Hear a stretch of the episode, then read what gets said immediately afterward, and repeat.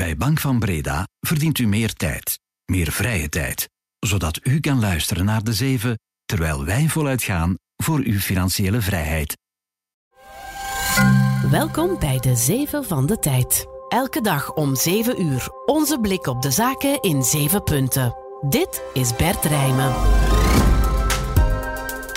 Goedemorgen. Eén zelfstandige supermarkt op drie maakt verlies. De coronajaren, waarin we lekker in de buurt gingen winkelen, lijken voorbij. De Amerikaanse lange termijnrente flirt met 5%. Onze expert legt uit hoe dat komt en wat de gevolgen zijn. En met de winter voor de deur maken we de balans op van de Europese energievoorraden. Zijn we er klaar voor? Of moeten we toch nog een slag om de arm houden en de verwarming een graadje lager zetten? Het is vrijdag 20 oktober. Welkom. De Zeven van de Tijd. 1. Eén op de drie Vlaamse supermarkten van een zelfstandige ondernemer heeft in 2022 verlies gemaakt. Voor corona was dat nog iets minder dan 1 op de 5, blijkt uit een analyse van zelfstandige organisatie Unizo. Retail-expert bij de tijd, Jens Kardinaals. Goedemorgen. Goedemorgen, Bert. Het is hier al vaker gezegd, Jens, eh, in de zeven. Vorig jaar hebben heel wat bedrijven moeten afrekenen met oplopende energie, personeelskosten, ook door die automatische loonindexering. Is dat ook zo voor de winkels van zelfstandige ondernemers of is er daar meer aan de hand? Ja, daar is wel meer aan de hand natuurlijk, want um, zelfstandige winkeliers die moeten zich ook houden aan de regels die soms worden opgelegd door de supermarktketens.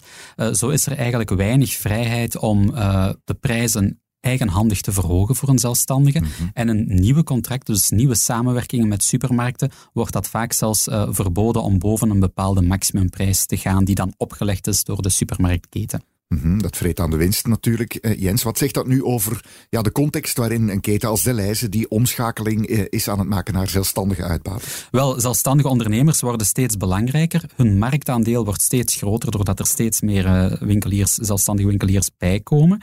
Maar tegelijk zien we toch ook een, een, een groeiende klacht vanuit de sector um, die zegt van ja, kijk, we worden eigenlijk te veel of meer en meer beperkt door de supermarktketens. Dit zijn cijfers over 2022. Jens, kunnen we ook al iets zeggen over dit jaar? Colruyt bijvoorbeeld heeft gezegd dat zijn winst dit jaar wellicht met meer dan de helft zal stijgen. Is zo'n kentering ook te verwachten uh, bij de zelfstandigen? Allicht wel. Ik denk dat voor, ook voor hen het uh, huidige boekjaar comfortabeler is dan 2022. We zien de prijzen in de supermarkten stijgen, eh, of we zagen die stijgen de afgelopen maanden. Mm -hmm. Maar toch horen we um, bij Unizo en bij zelfstandige ondernemers dat ze eigenlijk al jaren kampen met een um, precairdere situatie wat uh, winstgevendheid betreft. En Unizo stelt dat heel wat zelfstandigen eigenlijk al jaren niet beschikken over de middelen om te investeren in ja, wat zij noodzakelijk zien, namelijk duurzaamheid en digitalisering.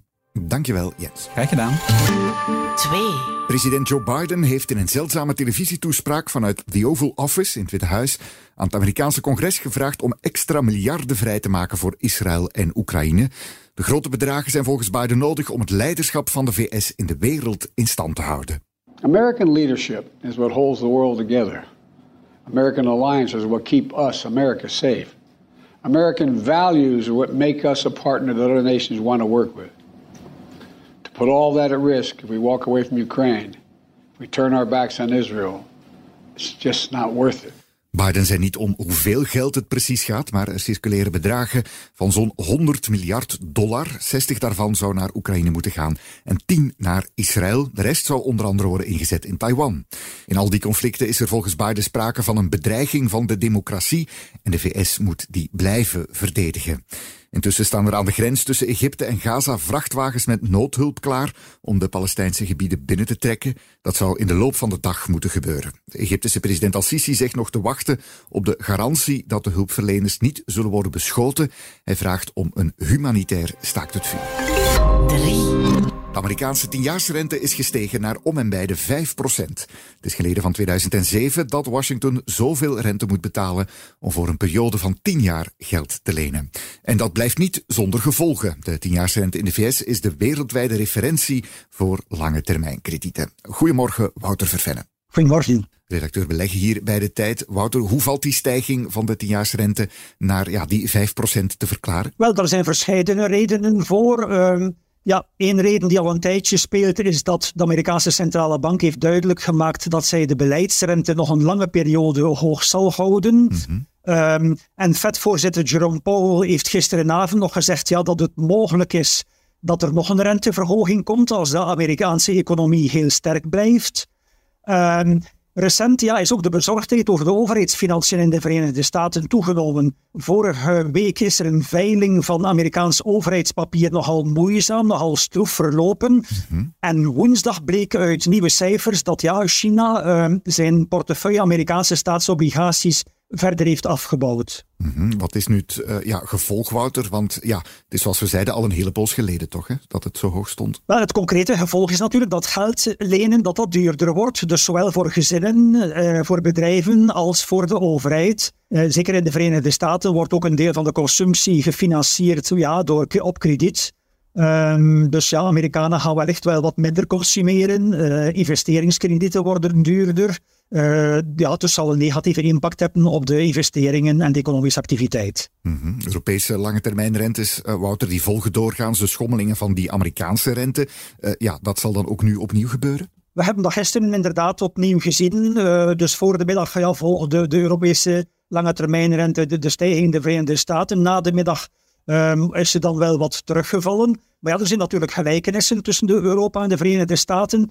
Uh, niet alleen de Verenigde Staten, maar ook landen als Frankrijk, Italië, België, ja, worstelen ook met grote uh, begrotingstekorten. En de aandelenmarkten voelen dat ook, uh, al was de lange termijnrente nu niet de enige factor die heeft bijgedragen tot de daling van de beurzen in Europa. ook een aantal tegenvallende bedrijfsresultaten ja, en de geopolitieke onzekerheid, de oorlog tussen Israël en Hamas, dat woog ook op het beursklimaat in Europa. Dankjewel, Wouter. Graag gedaan. De winnaars van die hogere rente zijn de spaarders natuurlijk. En hoewel de spaarrente in ons land maar met mondjesmaat stijgt, zien we dat toch steeds meer Belgen hun geld elders parkeren. Het aantal landgenoten dat een aanvraag heeft gedaan om een spaarrekening af te sluiten, is tijdens de eerste negen maanden met 40% gestegen, vergeleken met dezelfde periode vorig jaar. Dat blijkt nog uit cijfers van de sectorfederatie van de banken, FEBLV. 4. We blijven nog even in de VS, want president Joe Biden ontvangt vandaag vier Europese leiders voor een top tussen de Europese Unie en de Verenigde Staten. Voorkennis. Normaal gezien wordt de Unie vertegenwoordigd door commissievoorzitter Ursula von der Leyen en de voorzitter van de Europese Raad, Charles Michel. Maar die zijn al langer niet meer on speaking terms. Zelfs samen het vliegtuig nemen zat er niet in. Von der Leyen kreeg vorige week kritiek van heel wat lidstaten met haar bezoek en uitdrukkelijke steun aan Israël. Buitenlandbeleid, dat is iets voor de Europese vertegenwoordiger. José Borrell, zeiden de critici toen. En inderdaad, die is ook nu mee naar Washington, net als vicecommissievoorzitter Vera Jourova. Waarover ze het gaan hebben, over Gaza en Oekraïne ongetwijfeld, maar ook over staal. Europa wil namelijk af van de tarieven die Bidens voorganger Trump heeft ingesteld. Hopelijk weet ome Joe wie hij waarvoor moet aanspreken. 5. De winter staat voor de deur en dan steken de energievragen weer de kop op. Hoe zit het met de bevoorrading van elektriciteit, gas en ook olieproducten? Moeten we de thermostaat wat lager zetten? Kunnen we opnieuw een vast energiecontract afsluiten of moeten we nog een beetje wachten? Energie-expert hier bij de tijd, David Adriaan, heeft zich nog maar eens in het onderwerp verdiept. Goedemorgen, David. Goedemorgen, Bert. Om te beginnen, uh, de eerste uh, belangrijke vraag. Hoe zit het met die gasvoorraden, David? Want ja, daar hangt veel van af natuurlijk. Ja, sinds de zomer hebben we daar eigenlijk al heel goed nieuws over. De voorraden zaten toen bijna vol. En op dit moment zitten ze eigenlijk op 98%, eh, dus zo goed als uh, vol. Dat is eigenlijk de beste positie die we kunnen hebben om de winter uh, in te gaan. Natuurlijk zijn die voorraden niet uh, zaligmakend alleen. Ze zijn eigenlijk maar goed voor 30% van de Europese bevoorrading tijdens de winter.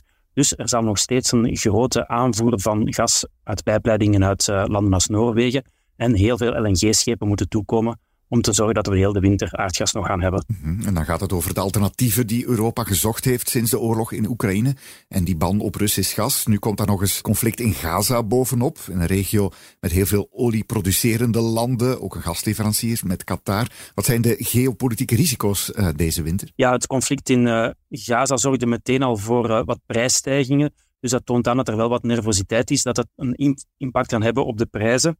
Maar het is afwachten wat daar precies uh, zal gebeuren, of het escaleert of niet. Wat we ondertussen wel in Europa moeten doen, is zorgen dat onze infrastructuur, de pijpleiding uit Noorwegen en de invoerterminals voor aardgas, dat die zeker beschikbaar zijn tijdens de winter. Technische defecten of sabotage, dat zou heel nadelig zijn voor onze bevoorrading. Maar zoals je daarnet al aangaf, de gasvoorraden, dat zit goed op dit moment. De piekende prijzen liggen ook al even achter ons. Ja, is het dan nu het moment om toch zo'n vast energiecontract af te sluiten? En ja, moeten we deze winter de thermostaat nog een graadje lager zetten? Ja, Europa rekent sowieso op nog wat besparing door gezinnen en bedrijven om het evenwicht eh, te behouden deze winter. Mhm. Maar het is ook heel goed voor je eigen portefeuille om te besparen, want ondanks die zware daling van de energieprijzen het afgelopen jaar, zijn de prijzen nog heel hoog in vergelijking met voor de crisis. Dus wie bespaart, doet zijn portefeuille daar goed mee.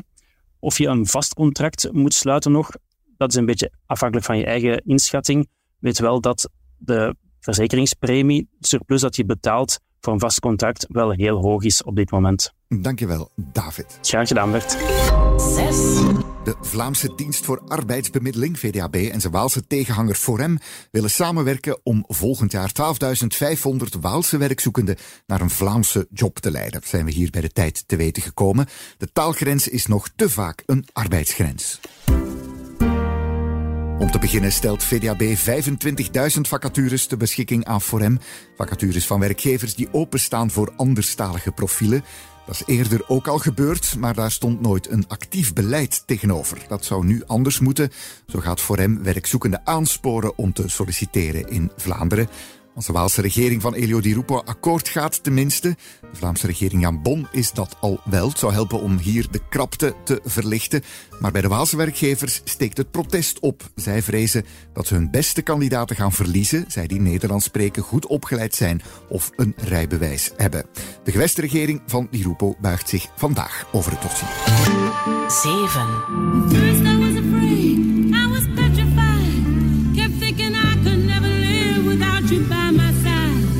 But I spent so many nights thinking how you did me wrong. And I grew strong. And I how to get along. You're back. I Will Survive van Gloria Gaynor. Die klassieker is een van de nummers die volgens Universal en de kleinere labels Concord en Apco moeten aantonen dat de AI-startup Entropic het auteursrecht schendt. Dat doet hij door zijn chatbot Claude teksten te laten produceren die heel erg lijken op die van beschermde nummers. Claude gaat bestaande teksten op het internet scrapen, zoals dat heet, verwerken zeg maar, om zo zelf muziekteksten op te hoesten. Maar beschermd materiaal mag je niet zomaar vrij gebruiken, gewoon omdat het op het internet is terug te vinden. Dat vinden Universal en Co. De teksten van Claude zijn volgens hen vrijwel identiek aan bestaande nummers. Ze hebben nu een rechtszaak aangespannen en bij de klacht een lijst van 500 nummers gevoegd, waarvan het auteursrecht zou zijn geschonden. Ze eisen een schadevergoeding van 150.000 dollar per werk, komt neer op een totale vergoeding van 75 miljoen dollar. Bedrijf achter de chatbot Claude en Traffic geeft voorlopig geen commentaar. Daarmee zit de laatste, de zeven van de week er weer op. Maandag zijn we er weer om met een gast vooruit te blikken naar de week die komt. Deze keer is dat met econoom en stichter van vermogensbeheerder Econopolis, Geert Noels. Maar eerst is er nog het weekend natuurlijk met een weekendkrant vol nieuwsanalyse en must-read stukken. Chef Weekend, Sophie van Lommel, die weet meer. Deze zondag zit Giorgia Meloni één jaar op haar troon. Dat is de Italiaanse premier die fatsoenlijk extreem rechts haar handelsmerk heeft gemaakt. Ze is heel populair, maar heeft ook impact. We kijken naar de OSINT-beweging, Open Source Intelligence. Dat zijn alle internetdetectives die met beelden op zoek gaan naar de waarheid in een tsunami van desinformatie rond het conflict in Gaza. En eh, herinner u dat Umicore begin deze week liefst 680 miljoen subsidies kreeg om een batterijmaterialenfabriek in Canada te zetten. Subsidies zijn helemaal terug, maar is dat ook het juiste instrument om aan industrieel beleid te doen? Dat allemaal en nog veel meer in de zaterdagkrant. Lezen die handel, zeker ook op tijd.be. Voor straks, fijn weekend en tot maandag. Dit was De Zeven met Bert Rijmen. Productie door Joris van der Poorten van op de redactie van De Tijd. Bedankt om te luisteren. Volgende week zijn we er weer. Tot dan!